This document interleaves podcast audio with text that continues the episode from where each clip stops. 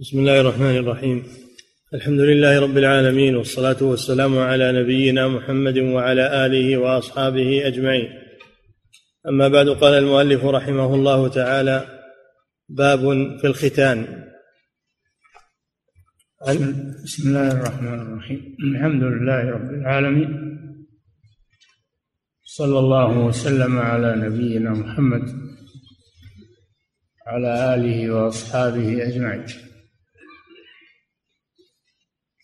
الختان من سنن الفطرة التي كان عليها الأنبياء عليهم الصلاة والسلام. والختان معناه بالنسبة للذكر قطع القلفة التي تستر الحشفة. لأجل أن تبرز الحشفة ويزول عنها هذا الغطاء. وأما بالنسبة للأنثى فهو خفض شيء من اللحمة التي تكون في فرجها في أعلاه لحمة تكون في أعلى فرجها. تشبه عرف الديك يقولون هذه تخفض بمعنى أنها يقطع بعضها ولا تستأصل لأنها تقلل من شهوة المرأة ولأنها أحظى للزوج وأرغب للزوج. وهو في حق الذكر واجب ختان في حق الذكر واجب. وأما في حق الأنثى فهو سنة ليس واجبا. هذا أحد الأقوال في المسألة وهو الذي عليه المذهب عند الحنابلة. نعم. عن أبي هريرة رضي الله عنه أن النبي صلى الله عليه وسلم قال اختتن إبراهيم خليل الرحمن بعدما أتت عليه ثمانون سنة فاختتن بالقدوم متفق عليه إلا أن مسلما لم يذكر السنين نعم وعن سعيد بن جبير قال سئل ابن عباس مثل نعم. من هذا الحديث فيه عن النبي صلى الله عليه وسلم قال اختتن إبراهيم الخليل وهو ابن ثمانين سنة بالقدوم اختتن عرفنا معنى الاختتان. والقدوم قيل هو آلة النجار التي يستعملها في الخشب. وقيل هو مكان اسم مكان. القدوم يعني في مكان اسمه القدوم. والشاهد من هذا أن الختان من سنن الأنبياء. أولهم إبراهيم عليه السلام هو أول من يختتن فهو من سنة الأنبياء وإمام الحنفاء إبراهيم عليه السلام الذي أمرنا باتباع ملته دين أبينا إبراهيم عليه السلام الذي بعث به نبينا محمد صلى الله عليه وسلم. فهذا مما يؤكد حكم الختان في الإسلام. وليس له وقت محدد ولهذا اختتن عليه الصلاة والسلام وهو ابن ثمانين سنة. ليس للختان وقت محدد. يختتن المسلم في أي وقت ولا يترك الختان ولو تأخر ولو كبر. لكن كون الختان يكون في الصغر في اليوم السابع من ولادته هذا أفضل. لأنه أسهل أيضا لأنه أسهل على المختون. وإلا فهو جائز أو مشروع في كل وقت. والمسلم والكافر إذا أسلم وهو غير مختون أمره النبي صلى الله عليه وسلم بالختان كما يأتي. فليس له وقت محدد بحيث إذا فات يفوت الختام. لا وقته موسع. ولهذا قال الحنابلة يستحب قبل البلوغ ويجب عند البلوغ يجب عند البلوغ ويستحب أن يبادر به قبل البلوغ. المهم أنه لا يترك نعم. وعن سعيد بن جبير قال سئل ابن عباس مثل من أنت حين قبض رسول الله صلى الله عليه وسلم؟ قال أنا يومئذ مختون وكانوا لا يختنون الرجل حتى يدرك رواه البخاري. سئل عبد الله بن عباس رضي الله عنه ابن عم الرسول صلى الله عليه وسلم الشاب الفقيه الذي دعا له الرسول صلى الله عليه وسلم فقال اللهم فقهه في الدين وعلمه التأويل. فكان آية في الفقه وفي تفسير القرآن الكريم ولهذا يسمى ترجمان القرآن رضي الله عنه. سئل عن سنه وقت وفاة الرسول صلى الله عليه وسلم أنه كان شابا. فأخبر أنه عند موت الرسول صلى الله عليه وسلم كان قد ختن وكانوا لا يختنون أولادهم إلا عند البلوغ. فدل على أنه رضي الله عنه عند وفاة الرسول كان بالغا. نعم. وعن ابن جريج قال أخبرت عن عثيم بن كليب عن أبيه عن جده أنه جاء إلى النبي صلى الله عليه وسلم فقال قد أسلمت. قال ألق عنك شعر الكفر. يقول احلق. قال وأخبرني آخر معه أن النبي صلى الله عليه وسلم قال لآخر ألق عنك شعر الكفر واختتن. رواه أحمد وأبو داود. وهذان الحديثان يدلان أيضا على أن الكافر إذا أسلم فإنه يؤمر بحلق رأسه ويؤمر بالختان. وهذا محل الشاهد من الحديث أنه يؤمر بالختان إذا أسلم ويؤمر بحلق رأسه الذي كان عليه زمن الكهر. ألقي عنك شعر الكهر يعني يعني احلق راسك. واختتن. نعم. باب أخذ الشارب وإعفاء اللحية. وأيضا من خصال الفطرة وسنن الأنبياء أخذ الشارب أخذ الشارب. الذي ينبت على الشفة العليا وإعفاء اللحية أي تركها وعدم التعرض لها بقص أو نتف أو حلق أو غير ذلك. فاللحية تعفى وتترك ولا يتعرض لها وأما الشارب فإنه يحفى ولا يترك يطول. لا يترك يطول لأنه يشوه الخلقة ويلوث الشرب الماء, الماء الذي يشرب أو المشروب إذا شرب منه وشاربه طويل فإنه يلوث المشروب. ويشوه الخلقة فيتعاهده المسلم ولا يتركه يطول وذلك بالقص أو الحف بأن يقصه أو يجزه كما ورد جز الشوارب. وأما حلقه فهذا محل خلاف بين العلماء. والذي يظهر أنه لا يشرع حلقه لأن حلقه تشويه للوجه فلا يحلقه وإنما يجزه أو يقصه ولا يتركه يطول ولا يكون له سبالات كما يفعله المتكبرون يجعلون شواربهم تطول ويفتلونها هذا من أمور الجاهلية خلاف سنة الرسول صلى الله عليه وسلم.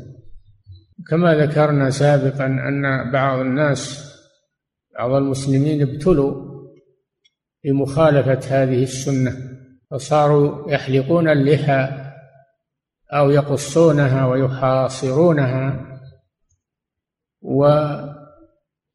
ويوفرون الشوارب ويكرمونها. وهذه مخالفة صريحة لسنة الرسول صلى الله عليه وسلم وتقليد للكفار تشبه بالكفار كما يأتي. نعم. باب أخذ الشارب وإعفاء اللحية عن زيد بن أرقم. قال قال رسول الله صلى الله عليه وسلم من لم يأخذ من شاربه فليس منا. رواه أحمد والنسائي والترمذي وقال حديث صحيح. نعم من لم يأخذ من شاربه ويتركه يطول فليس منا هذا زجر ووعيد وهذا من ضوابط الكبيرة. إذا قال الرسول من فعل كذا فليس منا هذا يدل على أن هذا الشيء كبيرة لأنه تبرأ منه الرسول صلى الله عليه وسلم. ففيه الحث على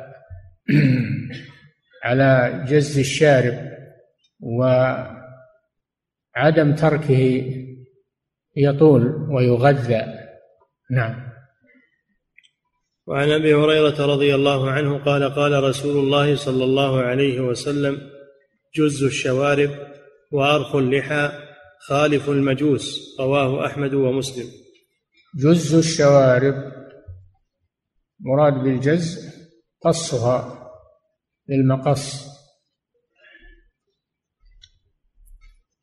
ولم يرد حلقها إنما ورد جز الشوارب احفوا الشوارب قصوا الشوارب. المهم أنها لا تترك تتمدد وتطول بل يتعاهدها المسلم. واعفوا اللحى هذا كالحديث الذي قبله أن اللحية لا يتعرض لها بل تترك على خلقتها. لا مانع أنها تنظف وأنها يزال شعثها.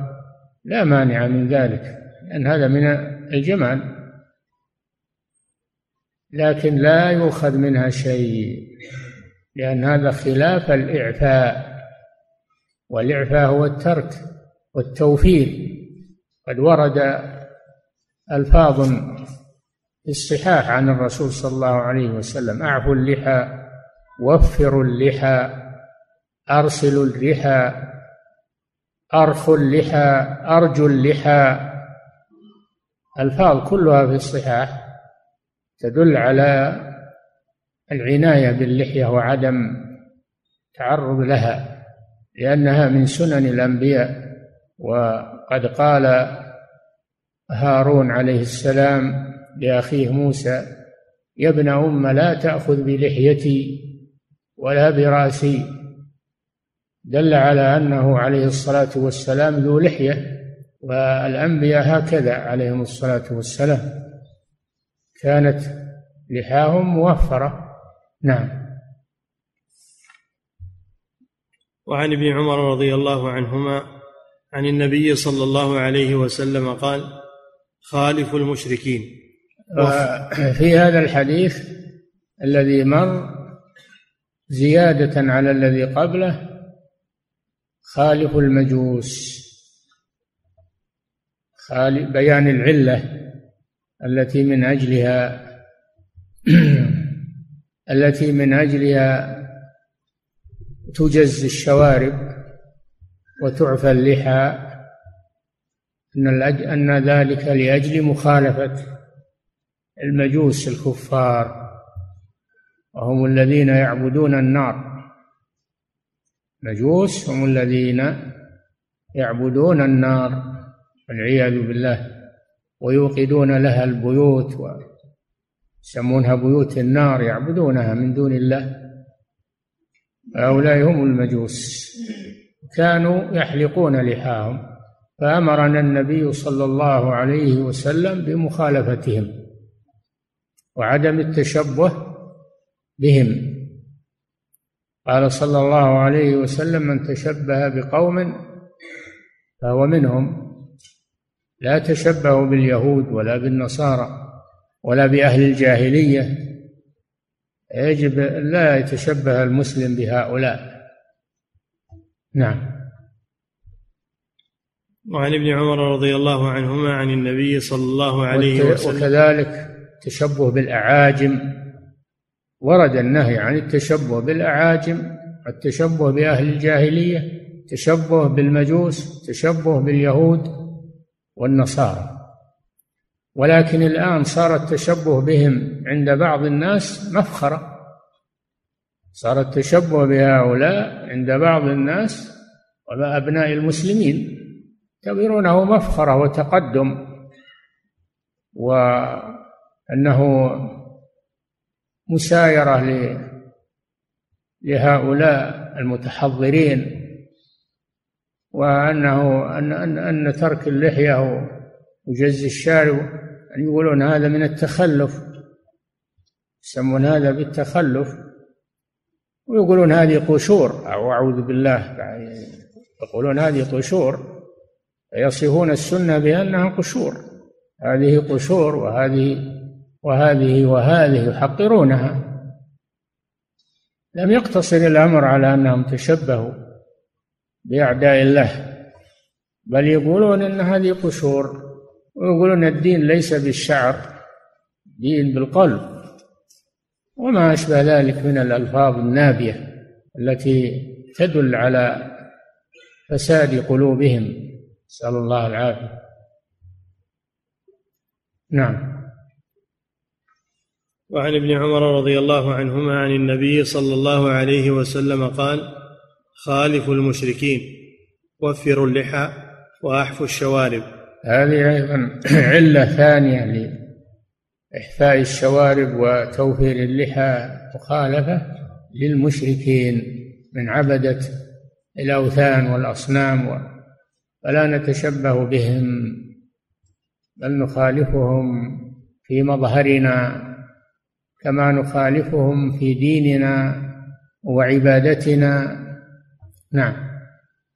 متفق عليه. زاد البخاري.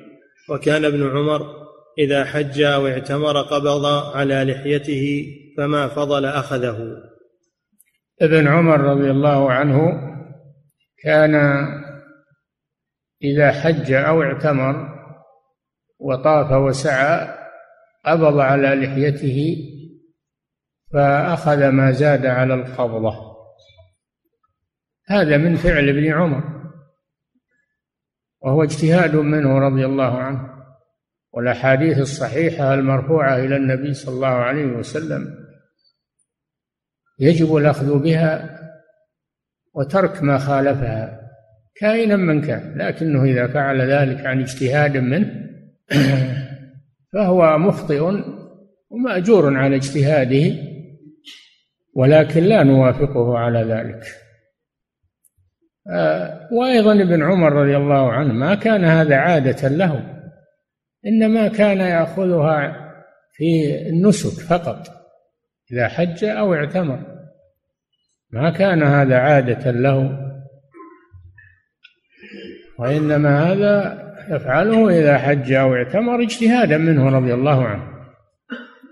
والقدوة هو رسول الله صلى الله عليه وسلم. كيف ندع الأحاديث؟ الصحيحة الصريحة وناخذ بفعل صحابي ولو كان من أهل الفضل والعلم فلا ناخذ إلا بسنة الرسول صلى الله عليه وسلم فإنها حجة على من خالفها كائنا من كان. وأما الحديث الذي يذكرونه أن النبي في الترمذي حديث الترمذي أن النبي صلى الله عليه وسلم كان يأخذ من طول لحيته وعرضها فهذا حديث لم يثبت عن الرسول صلى الله عليه وسلم.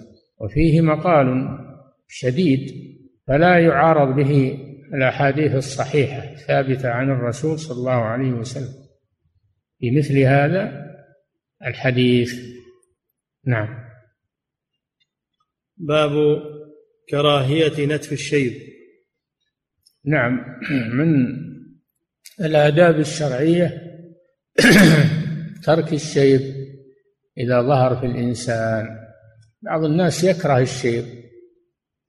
إما أن يحلق لحيته حتى يظهر بمظهر الأمرد الشاب وإما أن ينتف الشيب الذي فيها إذا كان فيها شيب أو في رأسه وهذا منهي عنه لأن الشيب في الإسلام فضيلة الشيب في الإسلام فضيلة وهو نور المسلم وإذا شاب شيبة في الإسلام كفر الله عنه بها سيئة ورفع له بها درجة وحط عنه خطيئة فلا تزال هذه الفضيلة.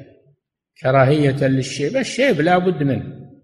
حتى لو أنك حلقت لحيتك ولا أو أنك نتفت الشيب ما ما يعفيك هذا من الشيب. الشيب يظهر عليك وعلى قواك وعلى جسمك. لكنك مع الشيب تشوه نفسك. ولو أبقيت الشيب لصار لك جمالا ووقارا. نعم. فإزالة الشيب لا يردك شابا. لا وإنما يشوهك. نعم. باب كراهية نتف الشيب. عن عمرو بن شعيب عن أبيه عن جده أن النبي صلى الله عليه وسلم قال لا تنتف الشيب فإنه نور المسلم. فإنه لا تنتف الشيب هذا نهي. ثم علل ذلك. بقوله فإنه نور المسلم. هل تزيل النور نور المسلم عنك؟ هذا ما يفعله إنسان عاقل. نعم. فإنه نور المسلم ما من مسلم يشيب شيبة في الإسلام إلا كتب الله له بها حسنة ورفعه بها درجة وحط عنه بها خطيئة. رواه أحمد وأبو داود. هذا فيه فضيلة الشيب في الإسلام وأن الله يكتب له بكل شيبة من شعره حسنة ويحط عنه بها خطيئة ويرفع له بها درجة. فهو نور المسلم وهو أيضا زيادة في الأجر والحسنات. نعم. باب تغيير الشيب هذا أيضا من آداب الشيب. يعني عرفنا أنه لا لا ينتف. ولا يزال ولا يحلق. وأيضا لا يترك على بياضه بل يغير يغير بالخضاب. هذا سنة ليس واجبا. هذا سنة. فينبغي أو يستحب للمسلم أن يصبغ الشيب بغير السواد أن يصبغه بغير السواد. كما يأتي. ويغيره. والأحاديث في هذا كثيرة في تغيير الشيب. ويكون بغير السواد.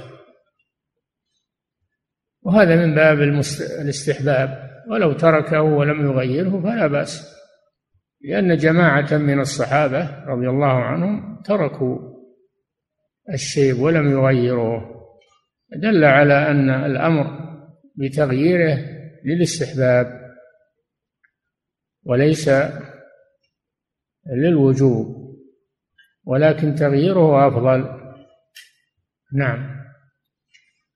باب تغيير الشيب بالحناء والكتم ونحوهما وكراهية السواد.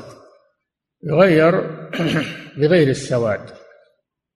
بسائر الألوان من الحنة والحنة معروف أو الكتم وهو نوع من النبات فيه سواد وحمرة ليس سوادا خالصا وإنما هو سواد يضرب إلى الحمرة. فإن صبغه بالحنة فقط فهذا سنة أو صبغه بالكتم فهذا سنة أو جمع بينهما جمع بين الحنة والكتم هذا سنة أيضا. وكذلك الوسمة وهي نوع من النبات أيضا ليست سوادا خالصا. فهذه ألوان أنت مخير في أن تصبغ بها بالحنة بالكتم بالوسمة بالزعفران بالورس كل هذه الصفرة يعني. إما إما الصفرة وإما الحمرة غير.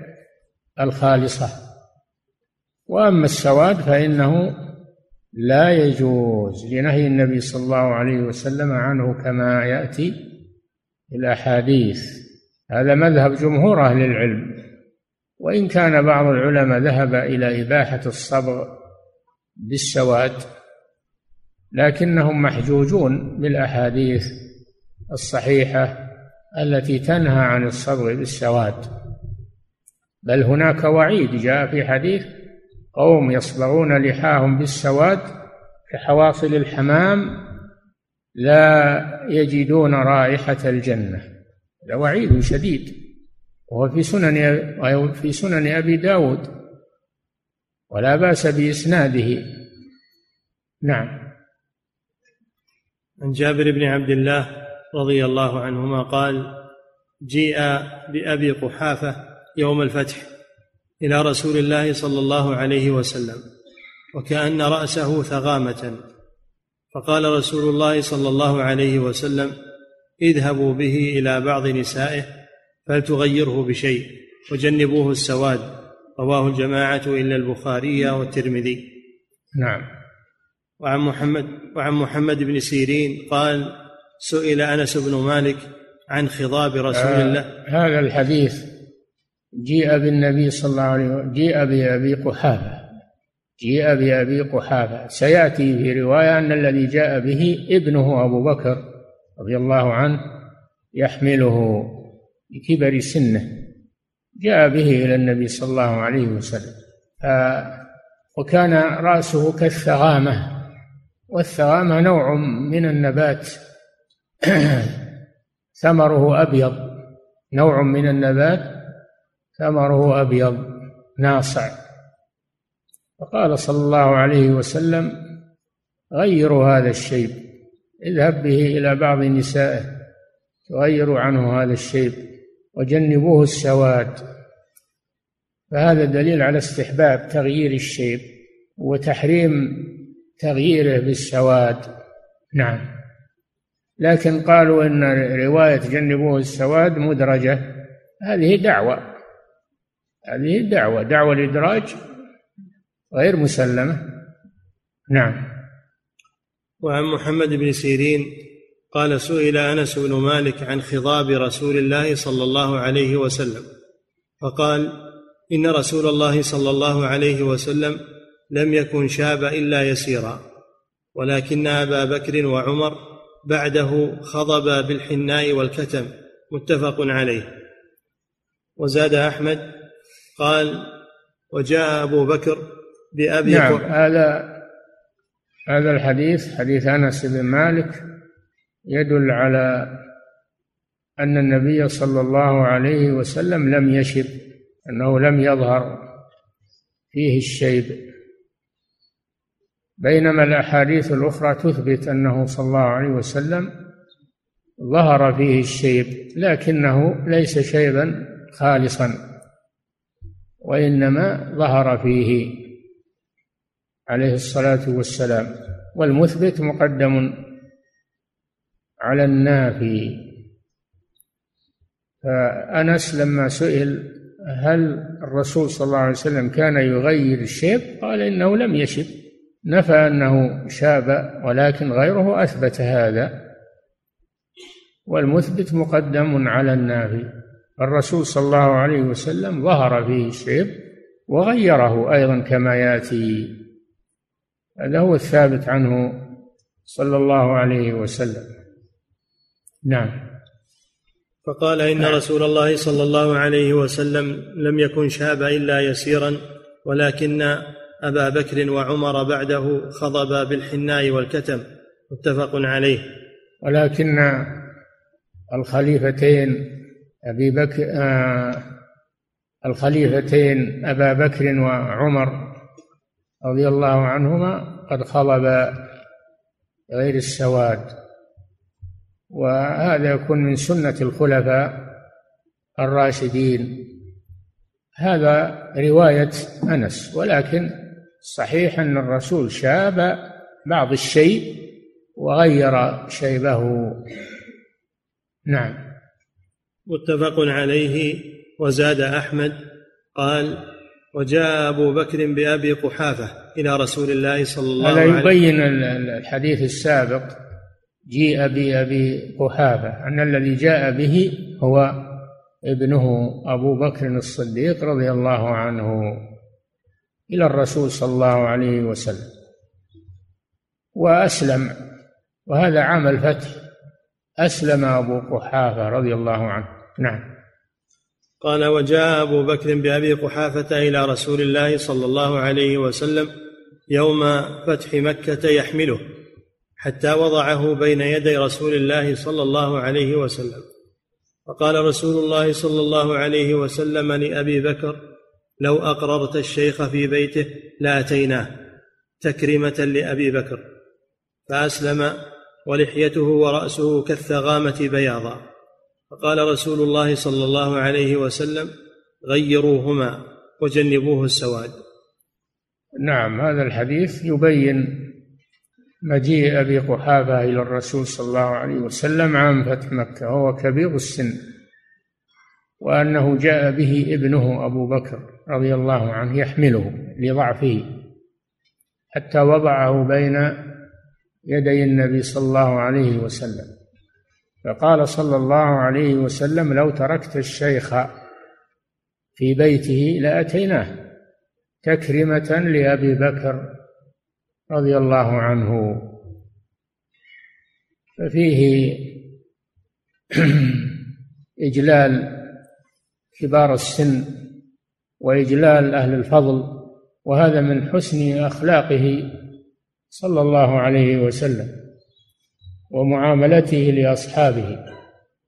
نعم. والشاهد منه أن رأسه كالثغامة بياضا فقال غيروا هذا الشيب غيروه عن لون البياض. بأي لون من الألوان؟ لم يحدد لونا إلا أنه نهى عن السواد. غيروا هذا الشيب وجنبوه السواد. نعم. وعن عثمان بن عبد الله بن موهب أعيد الحديث. زاد أحمد عن محمد بن سيرين قال سئل أنس بن مالك عن خضاب رسول الله صلى الله عليه وسلم فقال إن رسول الله صلى الله عليه وسلم لم يكن شابا إلا يسيرا ولكن أبا بكر وعمر بعده خضبا بالحناء والكتم متفق عليه. عرفنا الحناء والكتم يخلطان جميعا أو يصبغ بكل واحد على حدة. نعم. وزاد أحمد قال وجاء أبو بكر بأبي قحافة إلى رسول الله صلى الله عليه وسلم يوم فتح مكة يحمله. أبو قحافة كنيته واسمه عثمان. اسمه عثمان. فأبو بكر رضي الله عنه هو عبد الله بن عثمان. نعم. وجاء أبو بكر بأبي قحافة إلى رسول الله صلى الله عليه وسلم يوم فتح مكة يحمله حتى وضعه بين يدي رسول الله صلى الله عليه وسلم. هذا من البر بالوالدين. هذا من البر بالوالدين. فأبو بكر أراد لأبيه الخير وجاء به إلى النبي صلى الله عليه وسلم فأحسن الله خاتمته وأسلم. رضي الله عنه. نعم. فقال رسول الله صلى الله عليه وسلم لأبي بكر لو أقررت الشيخ في بيته لأتيناه تكرمة لأبي بكر. نعم. فأسلم ولحيته فأسلم يعني أبو قحافة أسلم في هذا الموقف. نعم. فأسلم ولحيته ورأسه كالثغامة بياضا فقال نعم. فقال رسول الله صلى الله عليه وسلم غيروهما وجنبوه السواد. غيروهما يعني يغير البياض إلى لون غيره ولم يحدد لونا إلا أنه منع السواد وما عدا السواد من الألوان الحمرة الصفرة الوسمة الحنة الكتم كلها ألوان جائزة. الزعفران الورس كما يأتي. نعم. وعن عثمان بن عبد الله بن موهب قال ها؟ عن عثمان بن عبد الله بن موهب. نعم. قال دخلنا على أم سلمة فأخرجت إلينا من شعر النبي صلى الله عليه وسلم فإذا هو مخضوب بالحناء والكتم. رواه أحمد وابن ماجه والبخاري. ولم يذكر بالحناء والكتم. إذا هو مخضوب نعم فدخلوا على أم سلمة أم المؤمنين بعد وفاة النبي صلى الله عليه وسلم. فأخرجت لهم شعرات. من شعرات النبي صلى الله عليه وسلم كانت تحفظها عندها وهي مغيرة اللون. مغيرة اللون. هذا دليل على أن الرسول صلى الله عليه وسلم كان يصبغ نعم. وعن نافع عن ابن عمر رضي الله عنهما أن النبي صلى الله عليه وسلم كان يلبس النعال السبتية ويصفر لحيته بالورس والزعفران. كان ابن عمر يفعل ذلك. رواه أبو داود والنسائي. وعن نافع عن ابن عمر رضي الله عنهما أن النبي صلى الله عليه وسلم نافع هو مولى مولى بن عمر. نعم. أن النبي صلى الله عليه وسلم كان يلبس النعال السبتية. النعال السبتية وهي الجلود. جلود البقر يقولون إذا دبغت. أو المراد بالسبتية الجلد المدبوغ أيا كان. نعم. ويصفر لحيته. هذا محل الشاهد. وكان صلى الله عليه وسلم يصفر لحيته يعني يغير الشيب بالصفرة. نعم. ويصفر لحيته بالورس والزعفران. نوع نوعان من النبات. الورس نوع من النبات طيب الرائحة والزعفران معروف وهو أيضا طيب الرائحة ولونهما أصفر. نعم. وكان ابن عمر يفعل ذلك رواه أبو داود والنسائي. كان ابن عمر رضي الله عنهما يفعل ذلك يغير شيبه بالورس والزعفران اقتداء بالنبي صلى الله عليه وسلم. نعم. وعن أبي ذر رضي الله عنه قال قال رسول الله صلى الله عليه وسلم إن أحسن ما غيرتم به هذا الشيب الحناء الحناء والكتم. رواه الخمسة وصححه الترمذي. أحسن ما يغير به الشيب هذه هذان هاتان المادتان الحناء والكتم. الحنة أحمر خالص. والكتم آه، في أسود الكتم أسود يضرب إلى الحمرة. أسود غير خالص. هذا أحسن الألوان التي يغير بها الشيء. ويدل هذا على أن الألوان الأخرى أيضا جائزة. الصفرة لغيرها من الألوان ما عدا الأسود. نعم. وعن أبي هريرة رضي الله عنه قال قال رسول الله صلى الله عليه وسلم إن اليهود والنصارى لا يصبغون فخالفوهم. رواه الجماعة. نعم هذا يبين العلة في تغيير الشيب وأن المقصود بذلك مخالفة اليهود والنصارى أنهم كانوا لا يصبغون. ونحن مأمورون بمخالفتهم حتى فيما هو من خلقتهم. حتى فيما هو من خلقتهم. وهو الشيب لأن الشيب ليس من خلقتهم. إنما هو شيء خلقه الله فيهم. ومع هذا شرع لنا الرسول صلى الله عليه وسلم مخالفتهم. بأن نصبغ. بأن نصبغ شيبنا ولا نتركه أبيض. نعم. وعن ابن عباس رضي الله عنهما قال مر على رسول الله صلى الله عليه وسلم رجل قد خضب بالحناء فقال ما أحسن هذا؟ نعم. فمر آخر قد خضب بالحناء والكتم فقال هذا أحسن من هذا. فمر آخر يعني إن اقتصر على الحنة لا بأس. وإن خلطه بالكتم فهذا أحسن. نعم. فمر آخر وقد خضب بالصفرة فقال هذا أحسن من هذا كله. رواه أبو داود وابن ماجه. والصفرة تكون أحسن من الحنة ومن الكتم. نعم.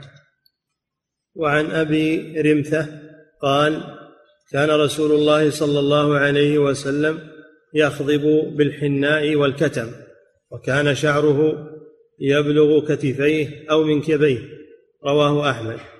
وفي لفظ لأحمد والنسائي وأبي داود أتيت النبي صلى الله عليه وسلم مع أبي وله نعم وفي نعم وفي.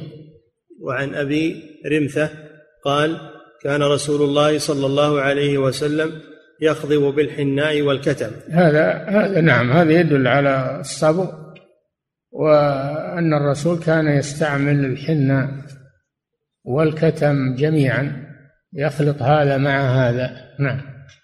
وكان شعره يبلغ كتفيه أو منكبيه. وكان يترك شعر رأسه يغذيه حتى يبلغ كتفيه أو منكبيه عليه الصلاة والسلام. نعم. وفي رواه أحمد وفي لفظ لأحمد والنسائي وأبي داود أتيت النبي صلى الله عليه وسلم مع أبي وله لمة بها ردع من حناء. له لمة واللمة هي شعر الرأس النازل شعر الرأس النازل ويكون إلى الكتفين. نعم. وله لمة بها ردع من حناء. وهذا محل الشاهد بها ردع من حناء دل على أنه صلى الله عليه وسلم يصبغ بالحناء يصبغ شعر رأسه الشيب بالحناء. نعم كاللحية أيضا. نعم. ردع من حناء وردع بالعين المهملة أي لطخ يقال به ردع من دم أو زعفران. هذا تفسير لردع الردع هو اللطخ. اللطخ الذي يكون في الثوب أو في الرأس أو في نعم. باب جواز اتخاذ الشعر وإكرامه واستحباب تقصيره. نعم هذا يأتي الكلام عليه إن شاء الله. نقف على هذا. نعم.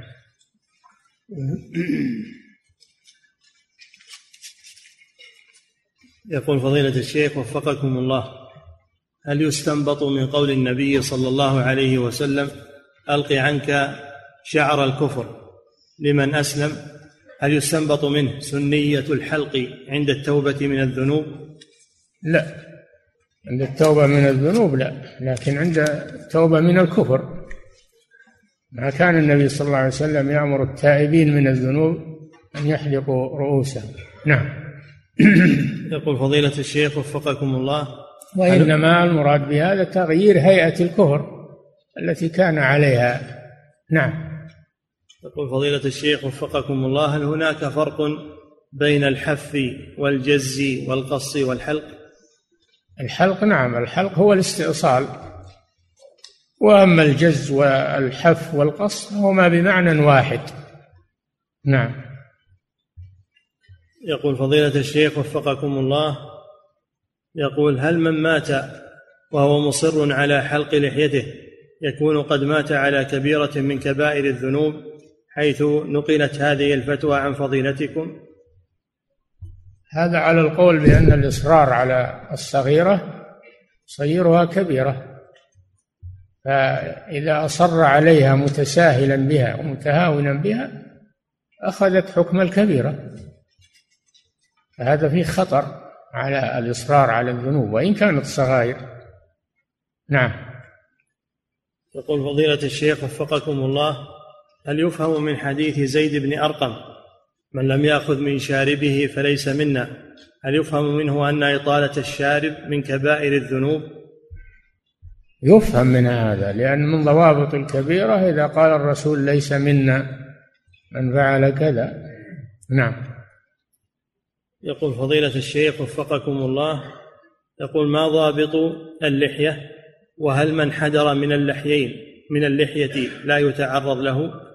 ضابط اللحية كما في القاموس وغيره من كتب اللغة ما نبت على اللحيين والذقن يعني العارضين والذقن وهو مجموع اللحيين من أسفل مجموع اللحيين من أسفل يقال له الذقن. واللحيان هما العظمان اللذان في جانبي الوجه. ويجتمعان في الذقن أسفل الوجه. فما نبت على على اللحيين وعلى الذقن هو اللحية وهو العوارض ومجمعهما في أسفل الوجه. ما نبت على هذا فهو اللحية. نعم. يقول فضيلة الشيخ وفقكم الله في قوله صلى الله عليه وسلم ألق عنك شعر الكفر واختتن هل هذا الأمر للوجوب أم للاستحباب؟ ظاهر الأمر الوجوب إلا إذا دل دليل يصرفه. إلا الختان واجب كما دلت عليه الأحاديث. كذلك شعر الكفر ما يبقى الإنسان عليه مظاهر الكفر. يحرم أنه يبقى عليه مظاهر الكفر. نعم. يقول فضيلة الشيخ وفقكم الله هل يقال إن الذي يحلق اللحية ويترك الشارب هو أحسن حالا ممن يحلق اللحية والشارب معا؟ لا ليس أحسن حالا كلهما حال سيئة. كلهما حال سيئة. لكن حلق حلق الشارب هذا ما هو حرام لكن كرهه بعض العلماء. أنه يشوه الوجه. أما حلق اللحية فهو حرام. حلق اللحية حرام. نعم. يقول فضيلة الشيخ وفقكم الله ورد عن عمر الفاروق رضي الله عنه أنه كان إذا أهمه أمر فتلا شاربه. فهل يدل ذلك على الجواز؟ وين وجدتم هالأمر هذا وين وجدتم. ما شفناه. أن عمر يفتل شاربه. نعم. اللي اللي واجده يجيبه لنا من مرجعه. نعم. يقول فضيلة الشيخ وفقكم الله يقول ما الضابط في التشبه بالكفار؟ ها؟ ما الضابط في التشبه بالكفار؟ ضابط ما كان من خصائصهم تشبه بهم فيما هو من خصائصهم من معا من عباداتهم ومعاملاتهم وأخلاقهم. أما الأشياء المشتركة بين الناس فليس من التشبه الأكل والشرب والمشي و... والملابس و... هذه ما ليست من التشبه هذه أمور مشتركة. ومن حرم زينة الله التي أخرج لعباده والطيبات من الرزق؟ إنما التشبه بهم فيما هو من خصائصهم. هذا هو التشبه المنهي عنه. نعم. يقول فضيلة الشيخ وفقكم الله يقول فهمت من الدرس أن اللحية لا مانع من الأخذ من شعثها فما المراد بذلك؟ من شعثها؟ نعم. منين أخذت هذا؟ ما يؤخذ من اللحية شيء. شعثها يصلح يا أخي. شعثها يصلح بالتنظيف و... و... والكد. تكد بالمكد حتى يروح الشعث ويدهن أيضا دهان يروح شعثها أما أنه يقص أو يحلق لا. نعم. يقول فضيلة الشيخ وفقكم الله. يقول هل يجوز تغيير الشيب بالأشياء الموجودة الآن بالصيدليات وتكون قريبة من السواد جدا؟ ما لم يكن سوادا خالصا فلا بأس به. ما لم يكن سوادا خالصا فلا بأس به تغيير الشيب به سواء في الصيدليات أو غيرها. نعم. يقول فضيلة الشيخ وفقكم الله ما حكم إزالة شعر الإبط والعانة؟ أه؟ يقول ما حكم إزالة؟ لكن لاحظوا لابد من ملاحظة أن لا يكون ما ما تصبغ به اللحية يتجمد على الشعر ويمنع الماء. مجرد لون فقط. إذا كان مجرد لون ولا يتجمد على الشعر ويمنع الماء فلا بأس به. نعم. يقول فضيلة الشيخ وفقكم الله ما حكم إزالة شعر الإبط والعانة بما يسمى بعمليات الليزر بحيث لا يخرج أبدا؟ هذا يرجع فيه إلى الأطباء لأن هذا يضر. كونه ما يظهر أبدا يضر الجسم. الشعر هذا فيه مصلحة. الجسم إذا أزلته على صفة لا يرجع يتضرر بذلك الجسم. نعم. يقول فضيلة الشيخ وفقكم الله يقول في حديث أبي في حديث أبي بكر رضي الله عنه لما جاء بأبيه إلى رسول الله صلى الله عليه وسلم لم يقل عليه الصلاة والسلام احلقوا رأسه بل قال غيروهما. ألا يدل هذا على عدم مشروعية حلق شعر الرأس لمن أسلم؟ ما كان شعر أبي قحافة على صفة شعر الذي أسلم وأمره النبي صلى الله عليه وسلم بالحلق. يختلف هذا. ما كان على صفة يزال بموجبها فيما يظهر والله أعلم. نعم. يقول فضيلة الشيخ وفقكم الله يقول إذا أنكرنا على من يأخذ من لحيته فإنه يقول انظروا إلى العالم الفلاني أو الداعية الفلاني يأخذ من لحيته ولو كان في ذلك شيء ما أخذ منها فكيف نجيب على مثل هذا؟ هذا جواب جاهل ولا صاحب هوى؟ ما هو بعالم ذا. ما ننظر إلى فلان وفلان ننظر إلى الرسول صلى الله عليه وسلم وأحاديث الرسول ما ننظر إلى أفعال الناس. فهذا اللي يقول هالكلام إما أنه جاهل ما يدري وش الاستدلال وإما أنه معاند صاحب هوى. هؤلاء ليسوا حجة. من خالف الرسول فليس حجة. نحن قلنا ابن عمر لا يحتج به في كونه يأخذ من لحيته إذا إذا تحلل من الإحرام. نقول ما يؤخذ بهذا. وهو ابن عمر رضي الله عنه. كيف بغيره؟ نعم. يقول فضيلة الشيخ وفقكم الله بعض الناس يقول إن اليهود أو بعض المشركين يرخون لحاهم في الوقت الحاضر ونحن قد أمرنا بمخالفتهم. ما أمرنا بمخالفتهم في إعفاء اللحى أمرنا بمخالفتهم في الحلق. أما إذا عفوا لحاهم فنحن فهم موافقون إذا عفوا لحاهم فهم موافقون والكافر الذي يبقي لحيته أحسن صورة من الكافر الذي يحلق لحيته. نعم. يقول فضيلة الشيخ وفقكم الله يقول في قوله صلى الله عليه وسلم إن اليهود والنصارى لا يصبغون فخالفوهم ومخالفة اليهود والنصارى واجبة فهل يكون الصبغ بغير السواد واجب؟ ليس واجبا لأمرين. أولا أن الصحابة منهم من أفاضلهم من لم يصبغ ترك لحيته بيضاء. فدل على أن الأمر ليس للوجوب. هذا يصرف الأمر عن الوجوب إلى الاستحباب.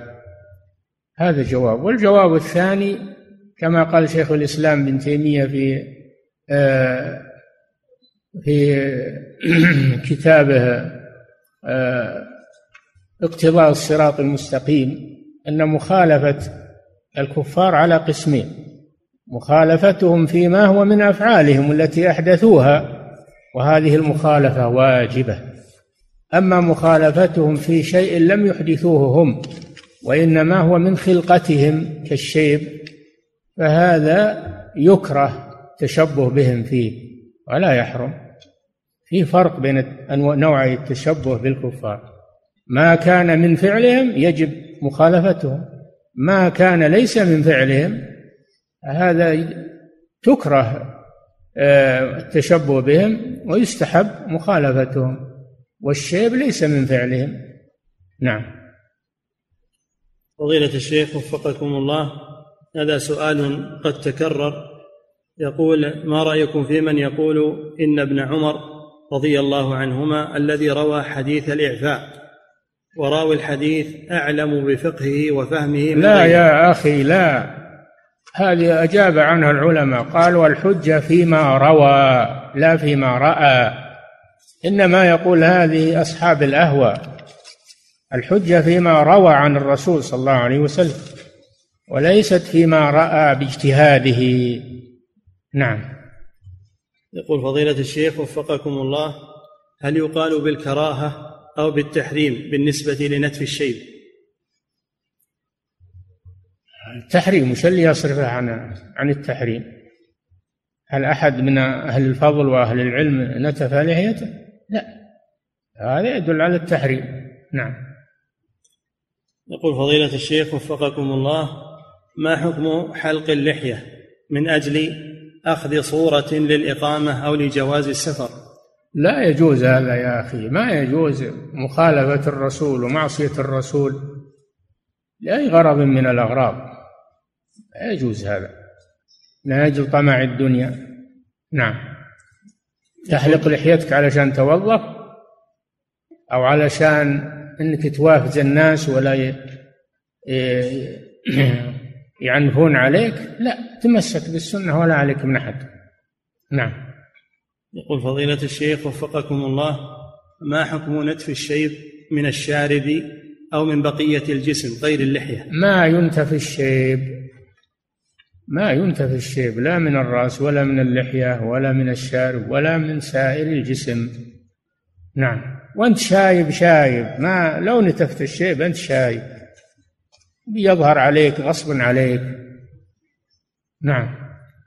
يقول فضيلة الشيخ وفقكم الله يقول إذا تعارض طلب العلم وبر الوالدين فأيهما يقدم؟ وهل يطاع الوالدان؟ طلب العلم اللي فرض عين كما أحكام الصلاة والتوحيد وأحكام الصلاة والزكاة الصيام والحج هذا ما يطاع الوالدان في تركه. أما طلب العلم اللي هو الذي هو فرض كفاية هذا يطاع الوالدان. إذا كان يحتاجان إليك تطيعهما. لا تقدم السنة على الواجب لأن برهما واجب. طلب العلم الزايد عن الضروري هذا سنة. نعم. يقول فضيلة الشيخ وفقكم الله يقول رجل مبتلى بمرض جلدي وهذا يؤدي إلى جعل نصف لحيته فيها شيب دون الآخر. أه؟ يقول رجل مبتلى بمرض جلدي وهذا يؤدي إلى جعل نصف لحيته فيها شيب دون النصف الآخر وهو مشوه للوجه. سؤاله هل يجوز صبغ باقي اللحية بلون أبيض لكي يتساوى الشيب في جميع لا يا أخي بالعكس. إلا أصبغ الشيب أصبغ الشيب بغير السواد وتحصل على السنة تحصل على السنة. نعم. يقول فضيلة الشيخ وفقكم الله ما حكم غيبة الإخوان عند الوالدين وذكر بعض أخطائهم لأجل التربية والإصلاح. ما حكم غيبة الإخوان عند الوالدين؟ وذكر بعض أخطائهم لأجل التربية والإصلاح. يعني تخبر والديك بأن أحد أولادهم يفعل كذا وكذا من أجل أن يربيانه. هذا شيء طيب هو من الغيبة هذا لمصلحة. هذا لمصلحة وليس من الغيبة من النصيحة. نعم. يقول فضيلة الشيخ وفقكم الله هل وقت النهي الذي بعد العصر يبدأ من بعد الصلاة أم عند دخول وقت العصر؟ من بعد الصلاة لو جمعتها إلى الظهر جمع تقديم يدخل وقت النهي. فالحكم متعلق بصلاة العصر. إذا صليتها ما في وقتها وإما في جمعا مع الظهر يدخل وقت النهي. نعم. يقول فضيلة الشيخ وفقكم الله إذا فاتت الرجل صلاة الجماعة بسبب النوم مع ضبطه للساعة هل إذا صلى منفردا يكون له أجر الجماعة لأنه قد تركها بعذر؟ نعم المعذور يكتب له أجر إذا إذا أنه غلبه النوم وهو ناوي القيام يكتب له على حسب نيته مثل المريض إذا حبسه المرض عن صلاة الجماعة مثل حبسه المرض عن الجهاد في سبيل الله يكتب له أجر المجاهد. فالنية الصالحة يؤجر صاحبها إذا حبسه العذر. نعم. لكن لا تتخذ النوم عادة وتتساهل هذا إذا غلبك النوم مع الحرص على القيام تندم على ذلك أيضا. نعم. يقول فضيلة الشيخ وفقكم الله ما تفسير قوله سبحانه وتعالى صبغة الله ومن أحسن من الله صبغة؟ دين. الصبغة المراد بها الدين. صبغة الله أي دينه سبحانه ومن أحسن صبغة يعني أحسن دين من دين الله عز وجل. نعم. يقول فضيلة الشيخ وفقكم الله السرعة في المشي. هل هي من السنة؟ وهل تفعل مطلقا في كل وقت؟ ها؟ السرعة في المشي. هل هي من السنة؟ زين الاعتدال. الاعتدال في المشي. لا يتباطأ ويتماوت ولا يسرع ويصير لها صوت ويصير. أقصد في مشيك وهو من صوتك. قصد القصد هو هو الوسط. نعم. أقصد في مشي. يعني هو الوسط بين السرعة التي تتعبك ويصير لك صوت جلبة وبين التباطؤ والتماوت. نعم. عباد الرحمن الذين يمشون على الأرض هونا مشية متكبر وجلبة ولغط. لا. و فالوسط هو الخير في المشي. نعم. يقول فضيلة الشيخ وفقكم الله. نعم. نعم. يقول فضيلة الشيخ وفقكم الله رجل دخل المسجد وقد أقيمت الصلاة فلما دخل المسجد رأى ولدا صغيرا هو الإمام فقال لا أصلي معهم وإذا انتهوا سأصلي لوحدي علما أن هذا الولد الصغير حافظ لجزء عما فما الحكم في ذلك. يصلي معهم وصلاة آه، الباء صلاة المميز صلاة المميز صحيحة وإمامته صحيحة أيضا. إمامته صحيحة. إذا كان هو أقرأ الحاضرين وهو مميز بلغ سن التمييز إمامته صحيحة. صل معهم وهي فريضة ليست نافلة. كان قبيلة تصلي على عهد رسول الله صلى الله عليه وسلم. قبيلة كاملة تصلي خلف غلام منهم يحفظ من القرآن ما لا ما لا يحفظون في عهد النبي صلى الله عليه وسلم وأقرهم على ذلك. حديث عمر بن سلمة الجرمي. نعم. يقول فضيلة الشيخ وفقكم الله هناك من يدعي الآن أن الربا لا يجري في الفلوس الأوراق النقد.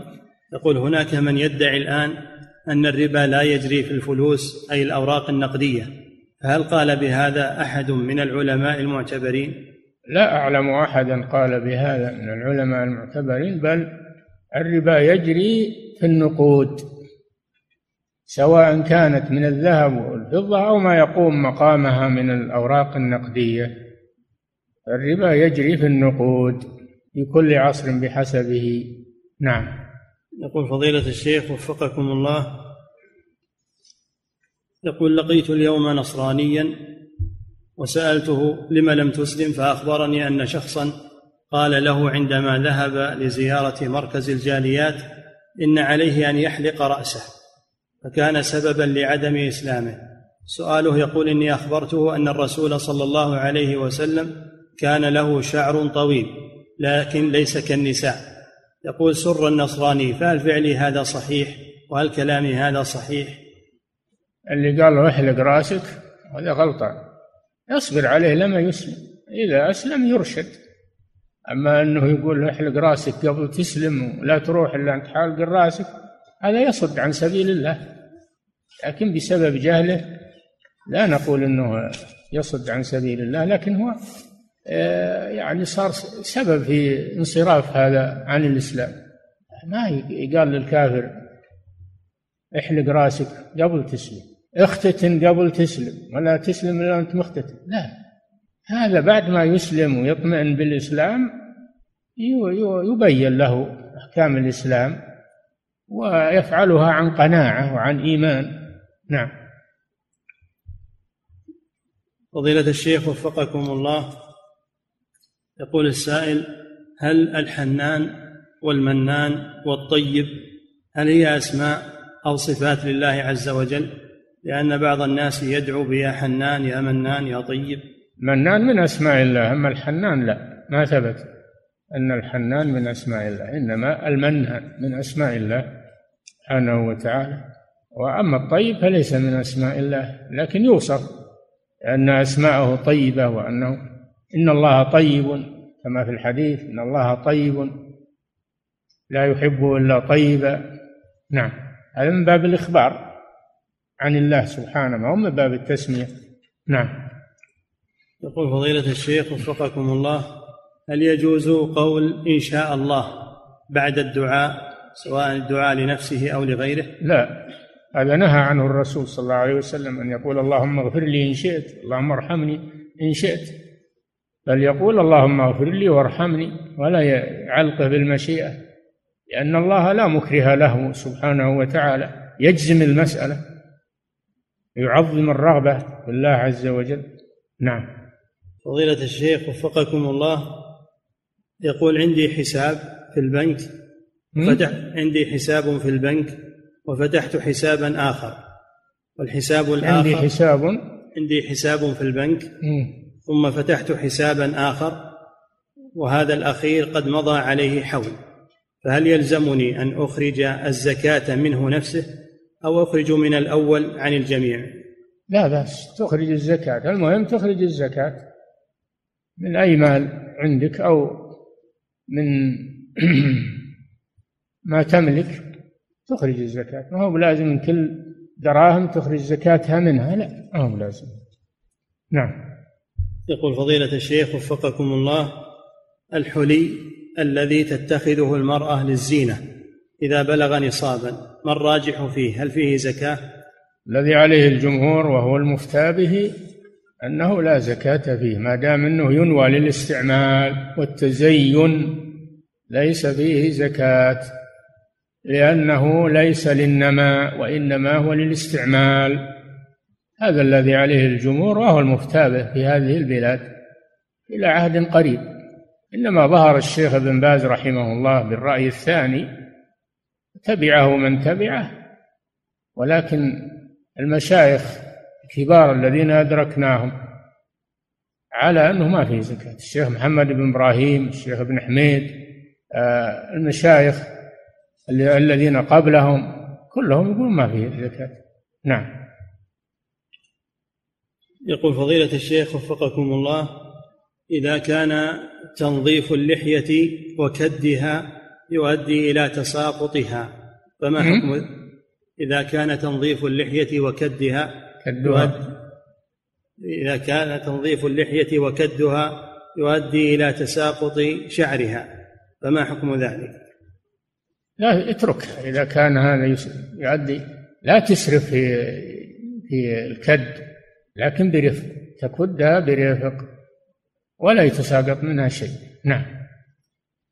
يقول فضيلة الشيخ وفقكم الله قرأت كلاما في بعض الكتب فأشكل علي حيث يقول مؤلفه عن القرآن يقول لا يوصف بتجدد ولا حدوث.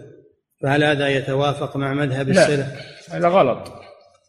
بل القرآن من كلام الله المحدث ما يأتيهم من ذكر من الرحمن محدث. محدث يعني تكلم الله به وأنزله. فكلام الله كما قال أهل العلم قديم النوع حادث الآحاد. حادث الآحاد. والله يتكلم متى شاء. أما اللي يقولون القرآن قديم هذا غلط. نعم. يقول فضيلة الشيخ وفقكم الله المرأة الناشز إذا توفي زوجها فهل ترثه؟ نعم ما دام ما دامت على ذمته هي ترث وإنما النشوز يسقط النفقة فقط. وأما الإرث إذا مات ترثه لأنها في في ذمته. نعم. فضيلة الشيخ وفقكم الله هذه امرأة تسأل فتقول امرأة في السوق ولم تجد ماء وخافت من خروج وقت الصلاة. فهل لها أن تتيمم من السراميك الذي في السوق؟ تتيمم إيش؟ تتيمم من السراميك والبلاط الذي في السوق؟ لا ما تيمم وهي في البلد والماء عندها يمينها وشمالها وحولها تروح تطلب الماء قريب. مساجد كل مسجد فيه محل للنساء وفيه مواضع للنساء. ما له عذر في هذا نعم.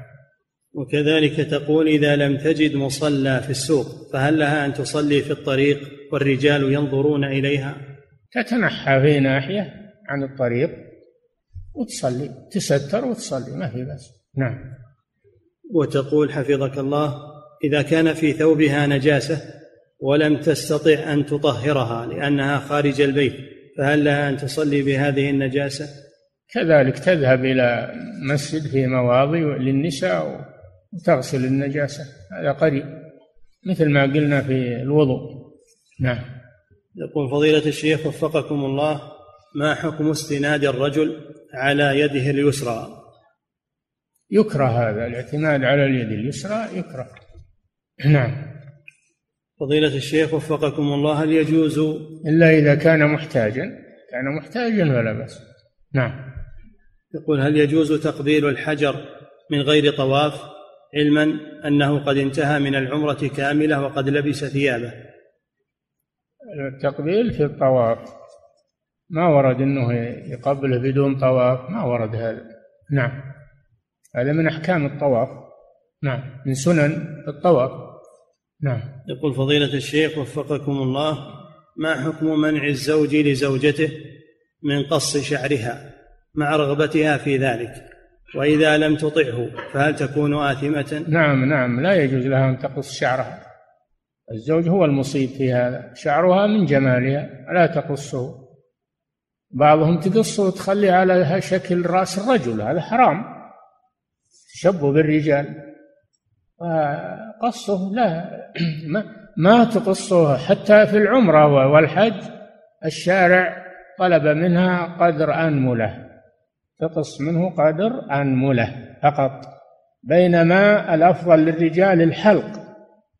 دل على أن شعر المرأة يوفر ويترك لأنه جمالها ولا يغرها العصريات والأشياء واللي تظهر في الصور والمجلات والتلفزيون من صور النساء. آه، قد جعلنا رؤوسهن على شكل رؤوس الرجال. لا تغتر بهذا. نعم. يقول فضيلة الشيخ وفقكم الله كيف يوجه حديث النبي صلى الله عليه وسلم أفلح وأبيه إن صدق لأن ظاهره الحلف بغير الله؟ هذا عنه جوابان إما أن الرسول صلى الله عليه وسلم لم يقصد اليمين في ذلك